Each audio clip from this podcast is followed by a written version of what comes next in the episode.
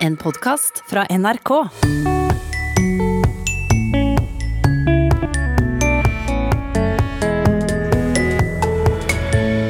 Voss ble årets nynorskkommune.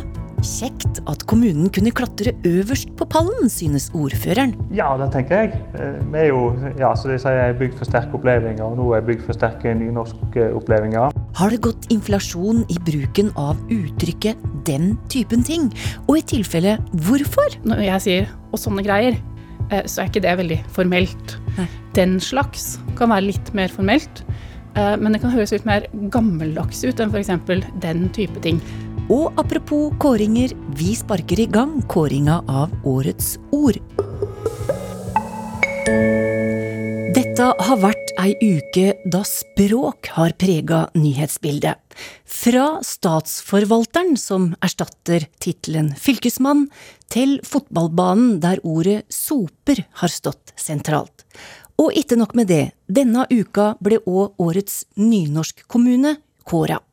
Voss Herad gikk av med seieren. Og det er Kulturdepartementet som står bak kåringa.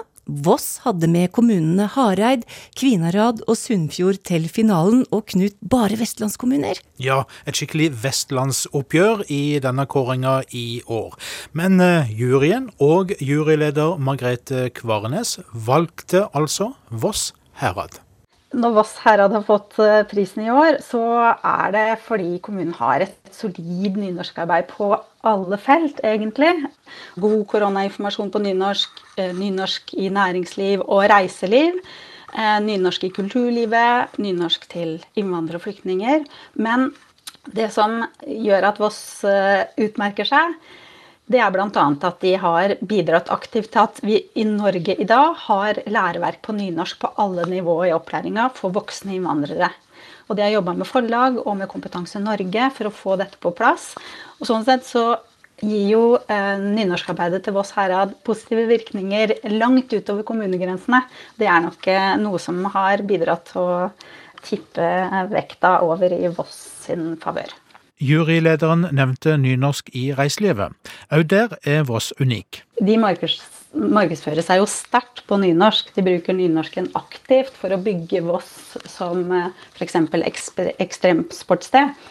Og de viser oss gjennom nominasjonen sin og gjennom faktisk bruk av nynorsk at eh, Voss ikke bare er et eh, sted for eh, sterke opplevelser, men et sted for sterke nynorskopplevelser. Så her eh, Voss er en helstøpt nynorskkommune eh, som bruker nynorsk godt over hele fjøla.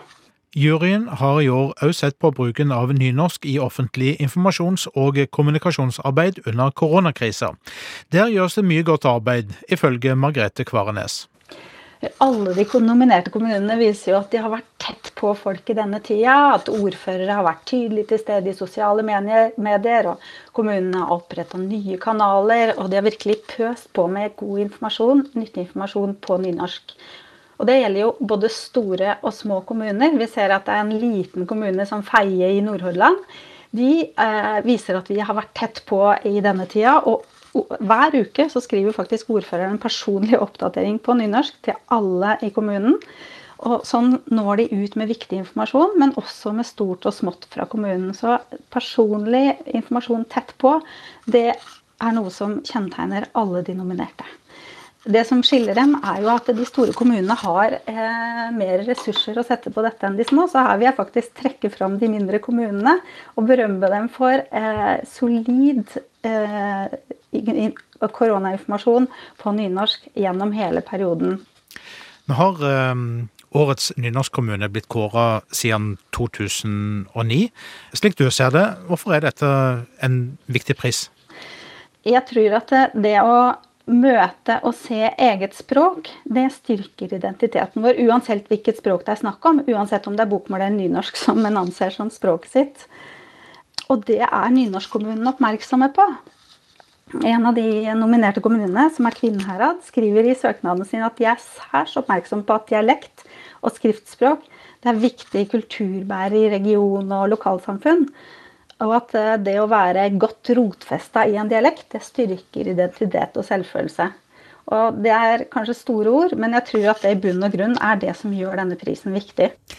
Det sa juryleder Margrethe Kvarenes, som jobber i Språkrådet. Og Hans Erik Ringkjøb, ordfører i Voss herad, gratulerer med pris! Jo, tusen takk. Er ikke det flott? Ja, hvordan føles det? Det er det du som må fortelle. Ja, nei, det føles egentlig veldig fint. Det er jo eh, det er veldig kjekt at eh, vi som eh, kommer fra medaljebygda Voss, da, som vi gjerne omtaler oss, der vi har OL- og VM-vinnere som kommer tilbake igjen til bygda. Og så endelig var det da Herad sin tur å gå øverst på pallen en gang i ei kåring, så det var veldig kjekt. Da kan du jo bare lure på hva folket finner på for å hedre kommunen. Ja, eh, det blir nok ikke det samme som når disse OL- og VM-vinnerne kommer hjem. Det blir det ikke. Eh, men eh, jeg tror nok vossingene kommer til å være veldig fornøyd med at vi har greid å bli kåra til årets nynorsk kommune.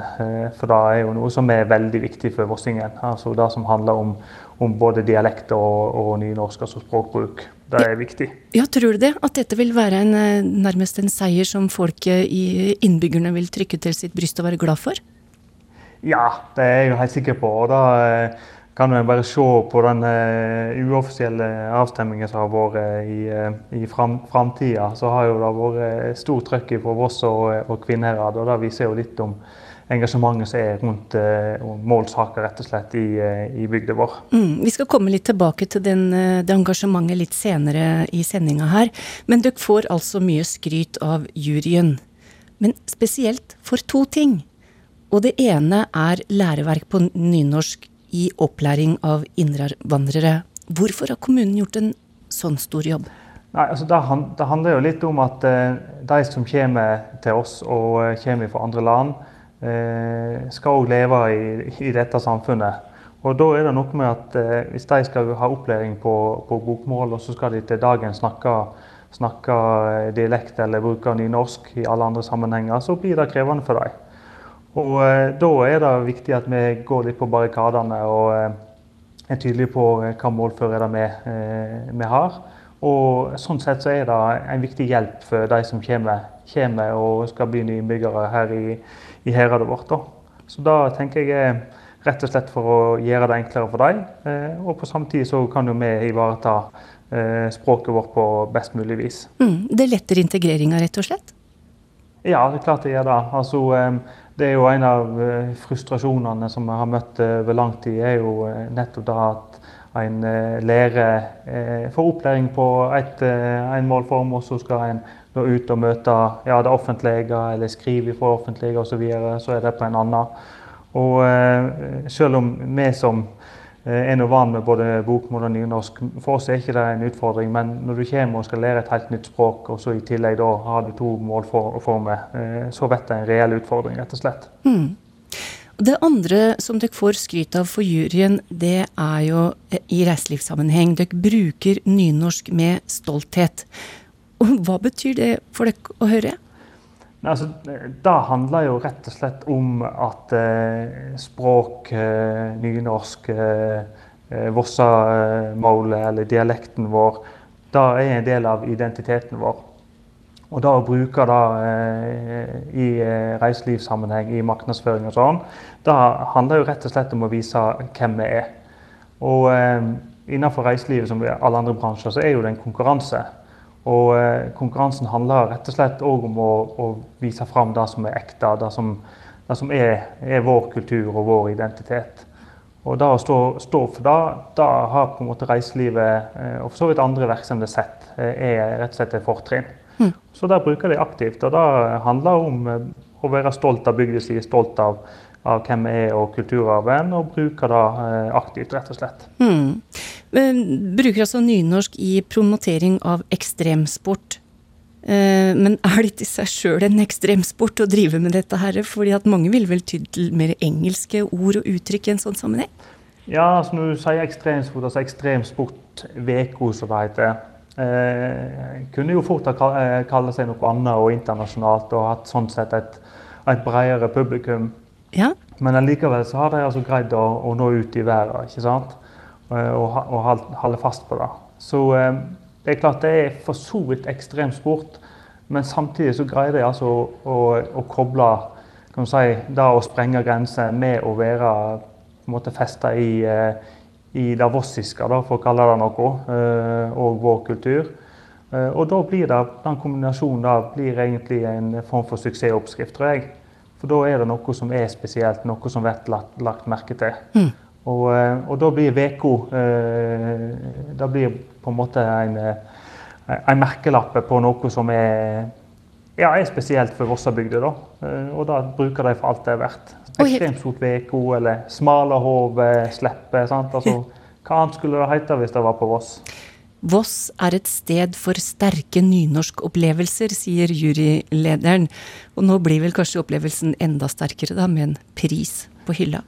Ja, det tenker jeg. Eh, vi er jo, ja, så de sier, bygd for sterke opplevelser, og nå er jeg bygd for sterke nynorskopplevelser. Ja.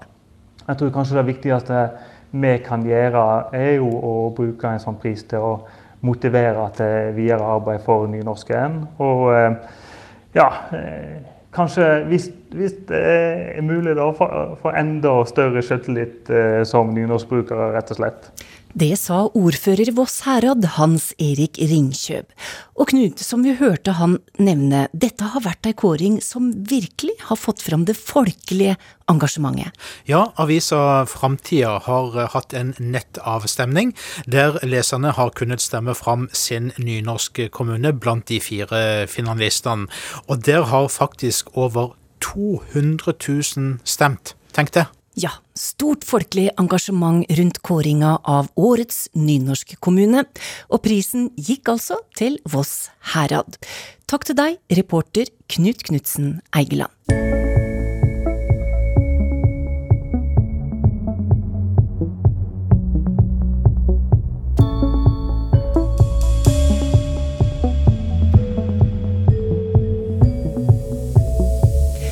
Den slags, sånne greier eller den type ting, er alle uttrykk for det samme.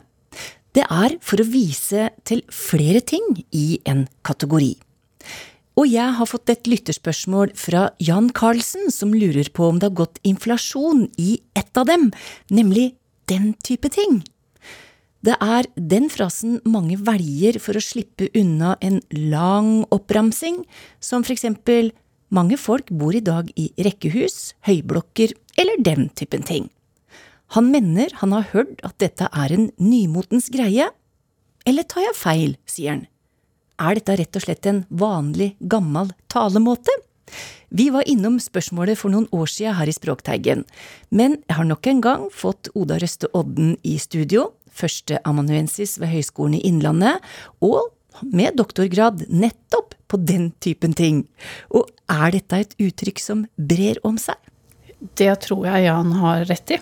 Man kan jo kanskje ha følelsen av at det har blitt eh, enda mer bruk av den typen ting.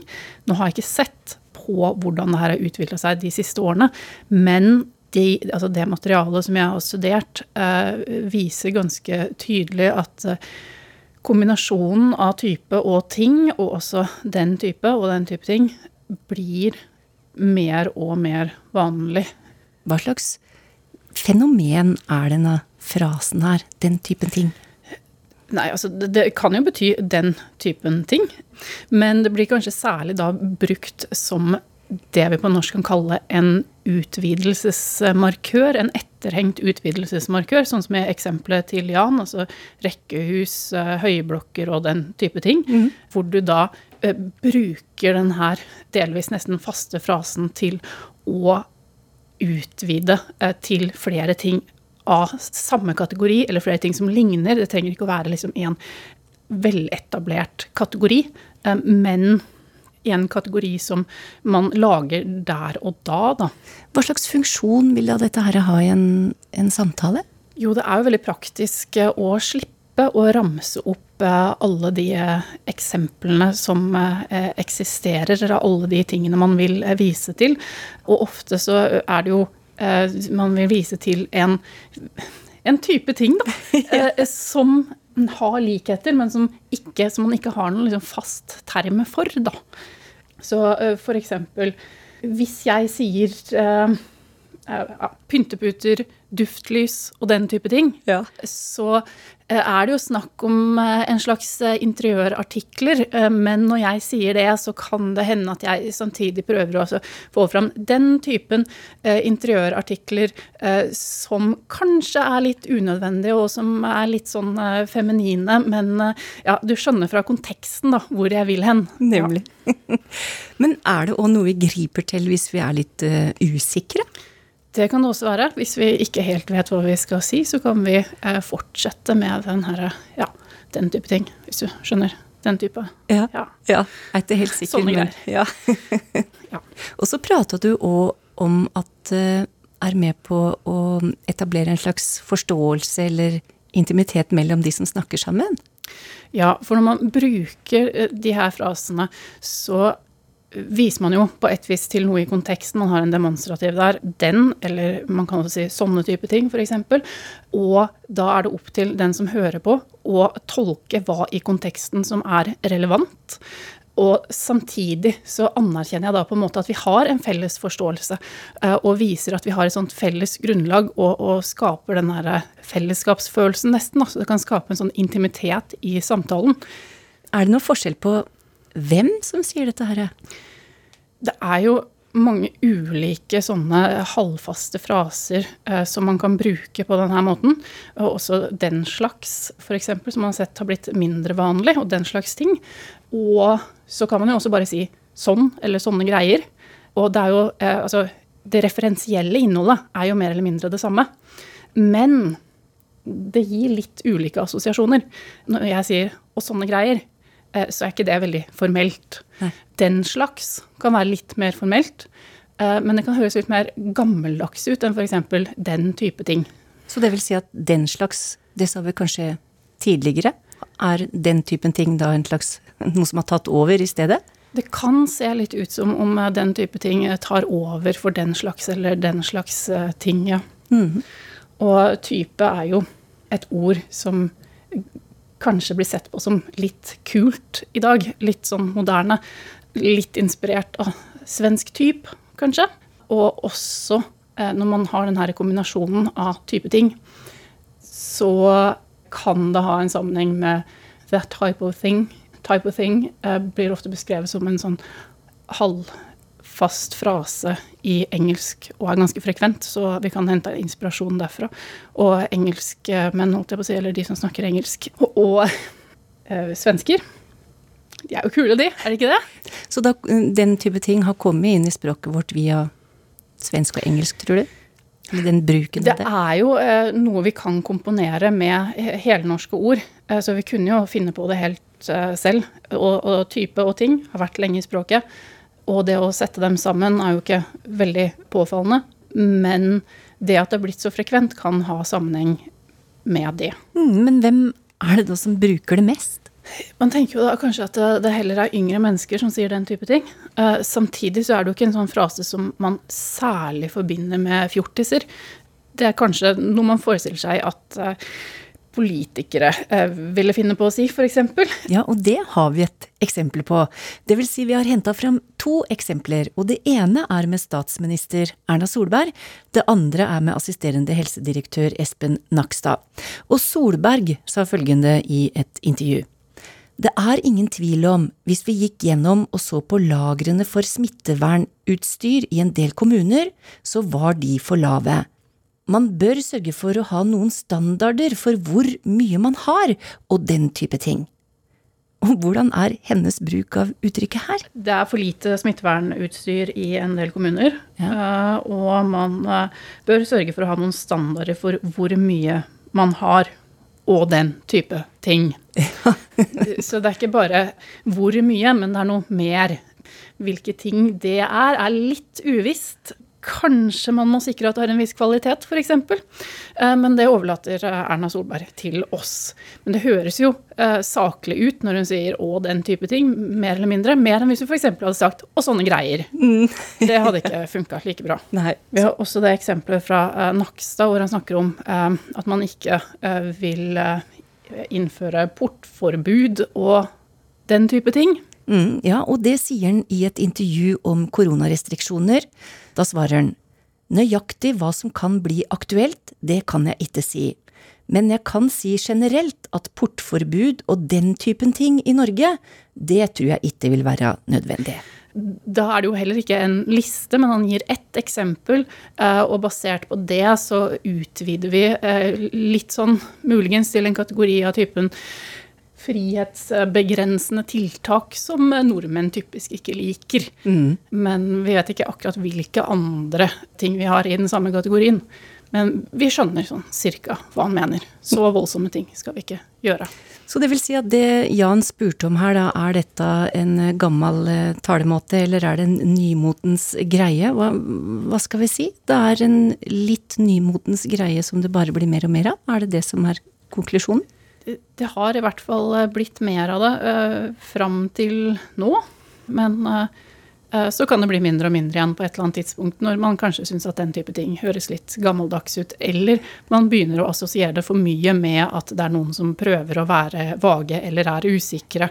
For da passer det ikke så godt i politikerspråk hvis det først og fremst viser at du er usikker. Det sa Oda Røste Odden, som er førsteamanuensis ved Høgskolen i Innlandet.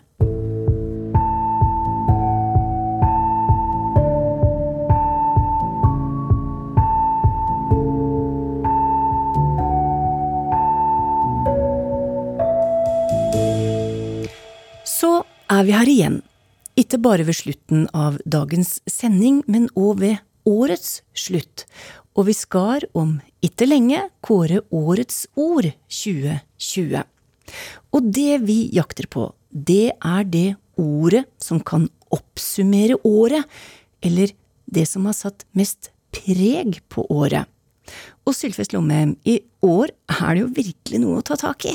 Og absolutt, selv om det har vært et tøft år, så i alle fall når det gjelder å kåre et ord for dette året, så er det ei rein gladsak. Fordi det er jo slik at eh, når det skjer mye i løpet av et år, så velter det fram med nydanninga av ord. Enten at orda er nye, eller at vi bruker etablerte ord på en ny måte. Begge deler er egentlig nye ord. Gamle ord som får ny mening, eller rett og slett nye ord som kommer inn som vi ikke har hatt før. Mm.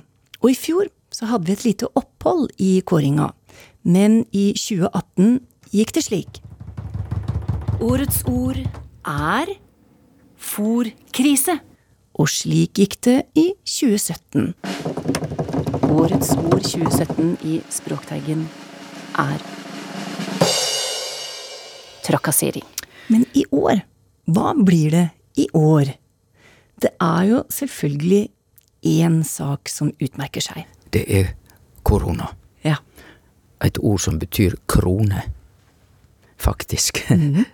Og da eh, Koronaåret har jo òg vært veldig tett eh, innpå kronesituasjonen vår, iallfall hvis vi med kronesituasjon mener økonomi og finans. Ja. Så det er ganske mange, ikke paradoksale, men liksom sterke samband mellom koronaår og veldig mye i eh, samfunnet. Det er det. Ja. Og Knut Knutsen Hengeland, hva ramler ned av ord i huet ditt da? Eh, hvis jeg skal prøve å tenke kjapt gjennom det, så tenker jeg jo f.eks. på ord som eh, koronasveis, og så Å ja, hytteskam det var jo et, eh, et, et, ord som virkelig uh, fikk uh, mye blest i, i, år. Ja, og året har jo gitt oss utrolig mange artige nyord. Søringkarantene, virusvett, vinchat, koronakropp osv. osv. Men i vår kåring så er det et poeng at det ikke må være et nyord, men gjerne et etablert ord som aktualiseres. Og du har et eksempel, eh, Sylfest. Tenk på ordet rød, eller rau, som jeg sier. Eh, for et år siden så hadde ikke vi skjønt helt hva det var for noe å være et rødt land. Nei. Og i tilfelle vi hadde hørt det for et år siden, så eh, ja, så er det sosialdemokrati der, ja, det er et rødt land. Og nå når vi snakker om rødt land, så er det ingen som er i tvil. Det er, det er det mer smitte enn det bør være. Mm -hmm. Så bare et så enkelt ord, adjektivet rød eller rød, har altså fått ny bruk i dette året. Og det, det illustrerer én ting, nemlig at det skjer så mye med språket når det skjer ting rundt i samfunnet, at vi merker ikke, vi er ikke medvitne om hvor mye ny ordbruk vi får. Det skjer jo hele tida. Ja, men hvis vi skulle gjøre den øvelsen, og finne et ord utafor koronauniverset, Knut, vær så god, hva tenker du på da? Åh, nå spør du veldig vanskelig. Um, nei, den er ikke lett på sparket, altså. Jeg kom ikke på noe, noe ord. Men det, det fins helt sikkert. Nei, det er ikke lett. Men vi må få i gang de små grå litt nå, og det samme gjelder for deg som hører på. Og så sender du forslaget ditt til Årets ord 2020 til Teigen krøllalfa nrk.no. Og kåringa, den skjer i desember. Og da er det helt slutt på dagens sending. Takk for følget, og ha det bra.